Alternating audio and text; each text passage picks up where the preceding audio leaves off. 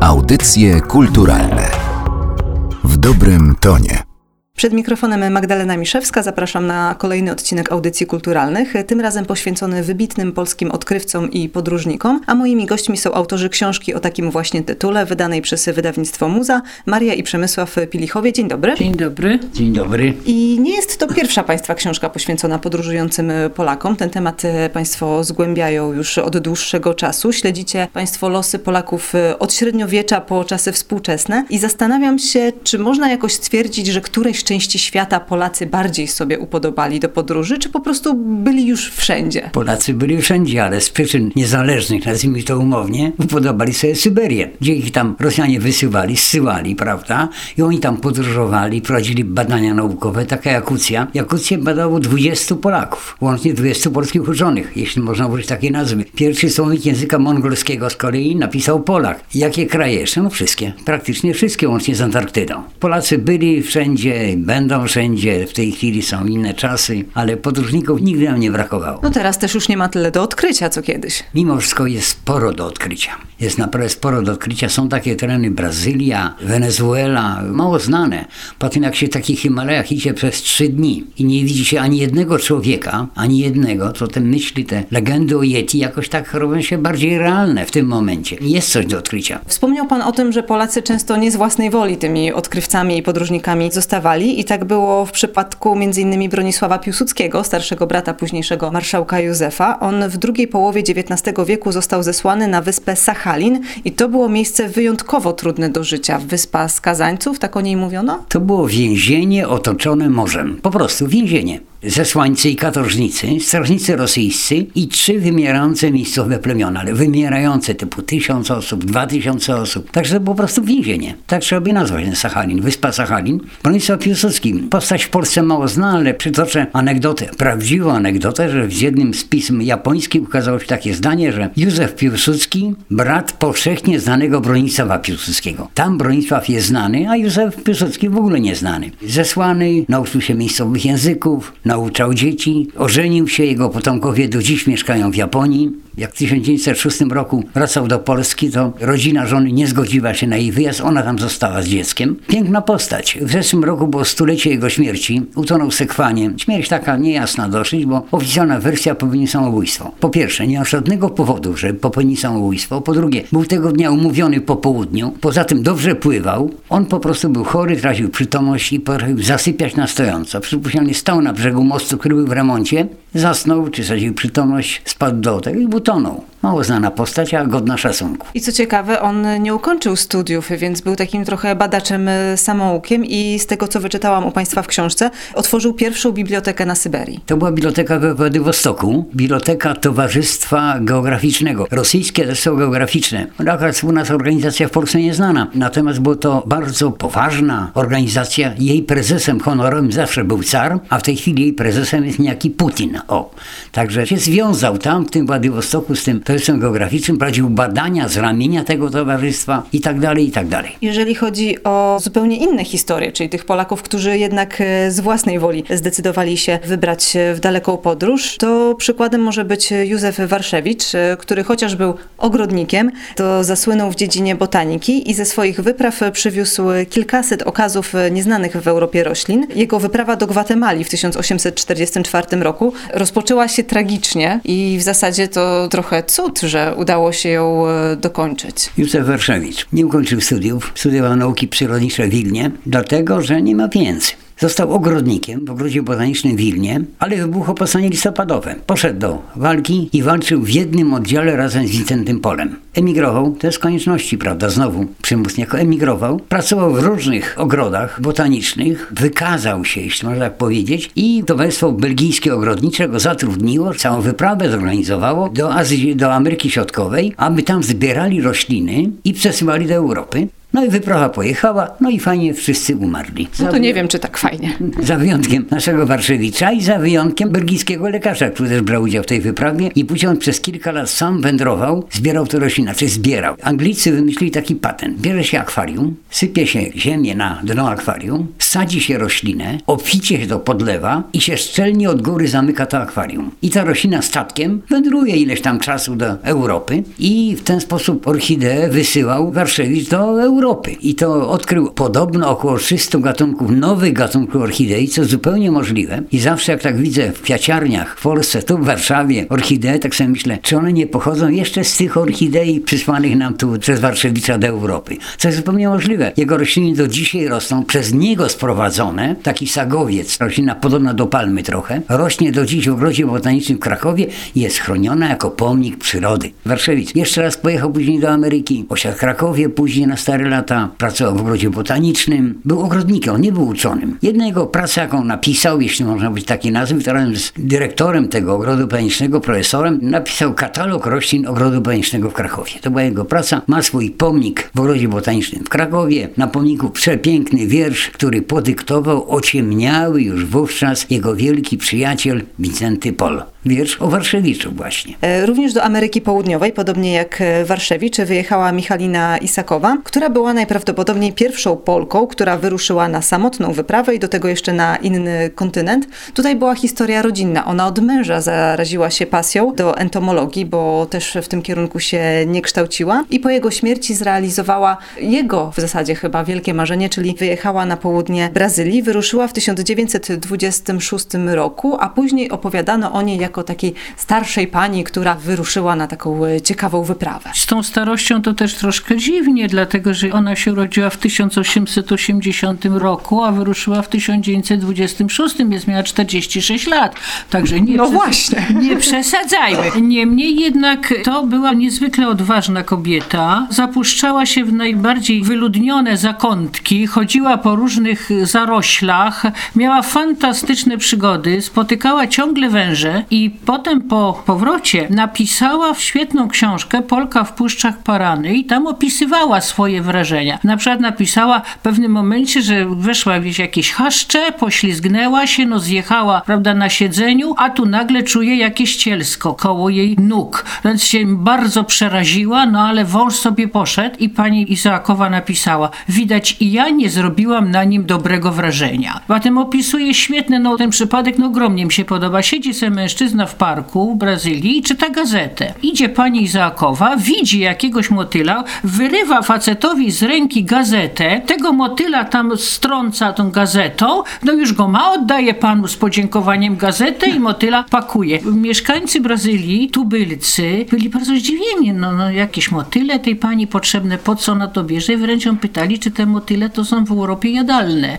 no bo skoro ona i tak zbiera. Nie było to zresztą takie proste, bo ona musiała mieć specjalne pojemniki metalowe, ponieważ i drewno, i tektura padały łupem różnych tam szkodników. Przywiozła z tej wyprawy około 15 tysięcy okazów i po powrocie bardzo pięknie prowadziła różne wykłady popularyzatorskie i ponieważ te wykłady cieszyły się taką popularnością, ona ładnie mówiła, no to to ją tak nakłoniło do napisania ciekawej książki. Zresztą niektórzy to tak naprawdę przychodzili, żeby ją zobaczyć, no bo to jakaś taka kobieta chciała po jakichś puszczach wędrować, spotykać węże, dzikie zwierzęta, miała pewne problemy zdrowotne, bo tam zachorowała. Oczywiście ona w swojej książce opisuje również ciekawostki typu, że jak płynęła statkiem, początkowy etap podróży, to zabrała ze sobą cukierki wedlowskie. I dzięki tym cukierkom wedlowskim porozumiała się z załogą i miała dostęp do jadalni po południu, gdzie mogła sobie siedzieć i swoje notatki spisywać. Po powrocie do Polski, po tych wspaniałych wykładach, громадах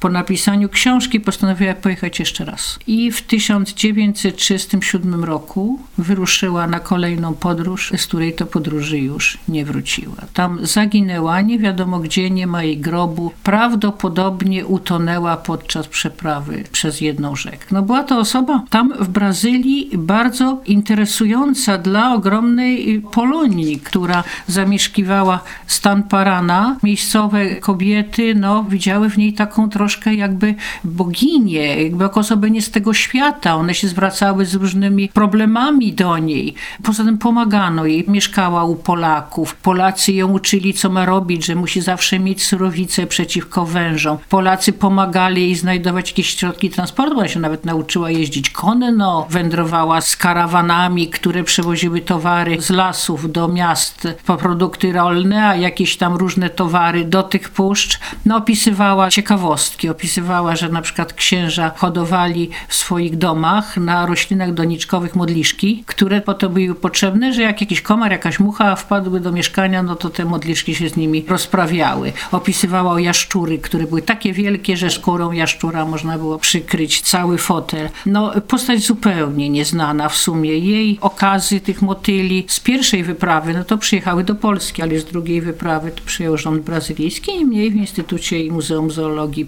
Są motyle z jej kolekcji. I skoro już e, jesteśmy w Brazylii, to tutaj warto właśnie, wydaje mi się, przybliżyć historię tej Polonii, o której pani wspomniała. Polonii, której ślady do dzisiaj w e, Brazylii są. Do Brazylii, do Argentyny emigrowało w XIX wieku, już poczynając masę Polaków za chlebem, po prostu za chlebem, zwłaszcza z zaboru austriackiego, gdzie była bieda, nędza, ta słynna bieda galicyjska. I wędrowali tam. Część jakoś potrafiła się bardzo ładnie urządzić. Mieli duże gospodarstwa, sobie radzili, ale część niestety żyła w biedzie. I całe delegacje jeździły tam właśnie zbadać sytuację tych Polaków. Adolf Dygasiński taki pojechał. I właśnie oni tak, że część ma się dobrze, a część ma się bardzo źle. No niemniej potomkowie tych Polaków mieszkają tam. Do dzisiaj niestety już języka polskiego w dużej mierze zapomnieli.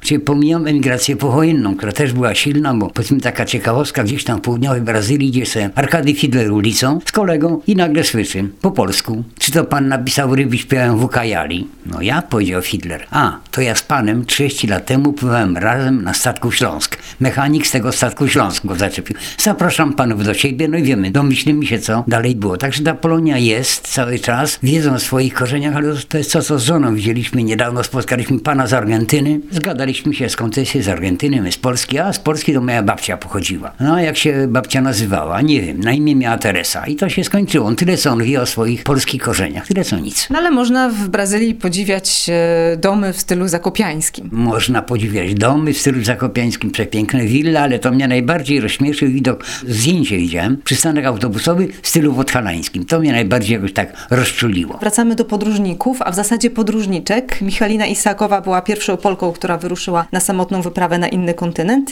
a inna badaczka, Maria Czaplicka, była pierwszą wykładowczynią antropologii w Oksfordzie. Ale zanim to nastąpiło, to właśnie brała udział w wyprawach naukowych i pierwsza była w roku 1908. Maria Czaplicka wyruszyła wtedy na Kaukaz. Niektórzy biografowie poddają wątpliwość. Czy ona rzeczywiście tam była, niemniej Na Kaukazie. na Kaukazie, niemniej jednak ta wyprawa była pierwsza, aczkolwiek nie najbardziej znana wyprawa Marii Czaplickiej, bo najbardziej znaną wyprawą jest tak zwana wyprawa jenisiejska, która została przez Czaplicką zorganizowana.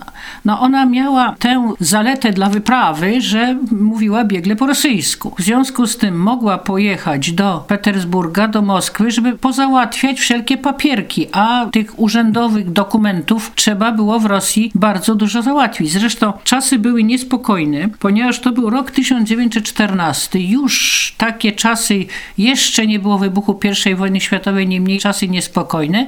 I tu wyrusza wyprawa. Wyrusza wyprawa, w której biorą udział trzy kobiety, Maria Czaplicka i dwie Angielki. Jedna zajmowała się fotografią i malarstwem, dokumentowała po prostu tą wyprawę, druga była etymologiem i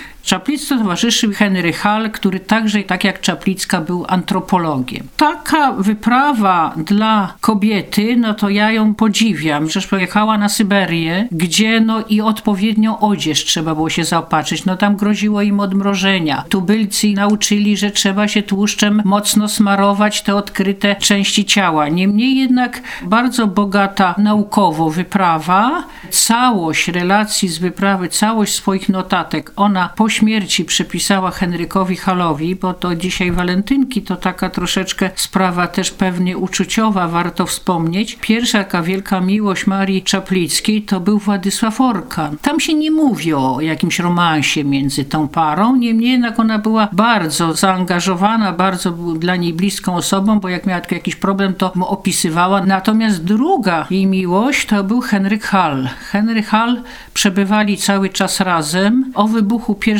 wojny światowej dowiedzieli się na Syberii. Oni przebywali przede wszystkim przy ujściu Jeniseju do Morza Karskiego, natomiast oni już potem zaczęli w górę Jeniseju płynąć i te dwie Angielki wróciły do Europy. Henry Hall został z Marią Czaplicką, wyruszyli w długą jeszcze syberyjską podróż, gdzie im odradzano, bo była zima, tubylcy się w głowę stukali, że mają zamiar wędrować, niemniej jednak bardzo dużo ciekawych odkryć. Ona się uczyła języków miejscowych, co też się ogromnie podobał. Jej pozwolono, uczestnictwo to była wielka sprawa, jej pozwolono być świadkiem sądu, gdzie to, jak, gdzie tam jakaś kobieta, zawsze miała zresztą problemy, bo była kobietą. Stąd jej biografka i badaczka jej życia, pani doktor Grażyna Kubica, nazwała ją skłodowską antropologii. Już po powrocie ze swojej wyprawy w 1919 roku, już po uzyskaniu niepodległości, Maria Czaplicka miała nadzieję na pracę w Polsce, w Warszawie, no gdzie tak mogła? Pracę dostać, w końcu była kobietą, no więc dlaczego miała dostać pracę? Obie panie, i Maria Skłodowska-Curie i Maria Czaplicka, brały udział w zajęciach Uniwersytetu Latającego. Chociaż Czaplickiej udało się o tyle, że dostała stypendium i mogła studiować za granicą i mogła ukończyć studia w Anglii. A życie jej skończyło się dosyć smutno, bo ona naprawdę popełniła samobójstwo miała 37 lat. Ukazały się ostatnio kilka książek na jej temat, więc ta postać zaczyna może być taka troszeczkę bardziej znana. My do tej pory rozmawialiśmy o podróżnikach z przełomu XIX i XX wieku, ale oczywiście Polacy i nie tylko Polacy wyprawiali się na dalekie krańce świata już dużo, dużo wcześniej i takim e, pierwszym chyba polskim e, podróżnikiem jest e, Benedykt Polak, który w XIII wieku dotarł do serca Azji. On co prawda w tej książce się nie pojawia, ale jest bohaterem Państwa wcześniejszej książki i też publikacji wydanej przez Narodowe Centrum Kultury. To również jest ciekawa historia. Czy on faktycznie był tym pierwszym polskim podróżnikiem? Kwestia, kto jest podróżnik, prawda? Przecież delegacje do Rzymu na przykład z polskich kościołów wędrowały już dużo wcześniej. Natomiast jeśli pominąć te wyjazdy kościelne, czy wyjazdy dyplomatyczne, bo też były takie na Węgry na przykład, to chyba był pierwszym podróżnikiem jednak polskim. Sprawa była taka. Najazd Mongołów, Mongołów, nie Tatarów, na Europę. Mamy rok 1240, podbijają Kijów, zajmują Kijów. Rok 1241 uderzają na Węgry i na Polskę i my wtedy ponosimy klęskę pod Legnicą. Ale wcześniej ci Mongołowie zniszczyli wszystkie te faktory handlowe europejskie, głównie włoskie, które były nad Morzem Czarnym. Także stanowili poważne zagrożenie dla Europy i papież postanowił wysłać delegację. Delegację do Mongolii, żeby po pierwsze rozeznać teren, o którym nie miano zielonego pojęcia, jakaś Azja, jakieś Tartaria, wtedy to nazywano. Nikt nie wiedział w Europie, co to jest. Po drugie, przekonać Mongołów, żeby uderzyli na Arabów, nie na świat chrześcijański, tylko na świat arabski, na świat islamu. I ruszyła ta delegacja dwa lata i siedem miesięcy na koniu. Znaczy nie cały czas na koniu, bo oni tam zatrzymywali. Dwukrotnie ich trzymali na granicach Mongołowie. Stolicą Mongolii wtedy było Karakorum. Karakorum znaczy czarny piark, czarna skała. W tej chwili nie ma tego Karakorum. Tam jest klasztor buddyjski, w tej chwili tylko. I pod tym Karakorum czekali długo na audiencję. No i dostali odpowiedź, żeby się papież tego, no nie powiem, no prawda, e, negatywną odpowiedź. I ja tak napisałem w tej książce o tym, że z punktu widzenia dyplomatycznego ta wyprawa nie odniosła skutku. Tak napisałem, bo tak piszą prawie wszyscy historycy. Ale w tej chwili mam wątpliwości, dlatego że mniej więcej 20 lat później Mongołowie uderzyli na Azję Środkową, zajęli wcześniej, uderzyli na Persję, uderzyli na Mezopotamię, czyli obecny Irak, zajęli Syrię i byli już 90 km od Jerozolimy. Tylko 90 km, kiedy ponieśli klęskę, Arabowie ich pokonali w bitwie. Czyli jednak uderzyli na ten świat islamu mimo wszystko. Ale no, wszyscy historycy mówią, że nieudane poselstwo później było następne i następne. Benedykt Polak, nic o nim nie wiemy, kompletnie. Znaczy wiem, jak miał na imię. Na pewno wiem, że był Polakiem, to też na pewno. Urodził się gdzieś około roku 1200. Nie wiemy gdzie oczywiście. Później zamiast zamieszkał w Krakowie, był gwardianem klasztoru Franciszkanów w Krakowie. Być może w tym przepięknym kościele Franciszkanów w Krakowie, gdzie są te słynne witraże Stanisława Wyspiańskiego, być może on jest tak pochowany. I teraz taka ciekawostka, w roku 2008 ambasada Kazachstanu w Warszawie wydała książkę w czterech językach. Po polsku, rosyjsku, kazachsku i ten czwarty język mi jakoś tu uciekł w tym momencie, o wyprawie Benedykta Polaka, gdzie był polski wstęp, napisany przez polskiego historyka, później sprawozdanie Benedykta Polaka, sprawozdanie szefa tej delegacji, taki Giovanni Carpini, jeszcze inne dokumenty tej wyprawy, a jeszcze po łacinie. I mamy tak, tekst łaciński, tłumaczenie na język polski, na język rosyjski, na język kazachski, bo oni wędrowali przez Kazachstan. Wędrowali na wschód, po prawej stronie zostawili Morze Czarne, Morze Kaspijskie, Jezioro Aralskie, które w tej chwili podobno już nie istnieje, bo wyschło całkowicie. Wcisnęli się między taką bramę dżungarską, e, brama dżungarska między górami Tieńszani a górami Autaj na północy, Tieńszani na południu, Autaj na północy i przez tą bramę dżungarską zawsze wędrowały ludy stepowe w jednym i drugim kierunku. I przez tą bramę dżungarską dotarli do Mongolii, no i później wrócili. Wiele ludzi powtarzało tę wyprawę, ale na ogół albo samochodami, albo motocyklami, to już nie to, prawda? Natomiast taki Australijczyk, też dwa i pół roku, tak samo jak ten, na koniu powędrował, tylko z kolei odwrotnie, z Mongolii na Węgry. Napisał to przepiękną książkę, powtórzył trasę Benedykta Polaka i jego szefa Giovanniego Carpini. Audycje kulturalne w dobrym tonie.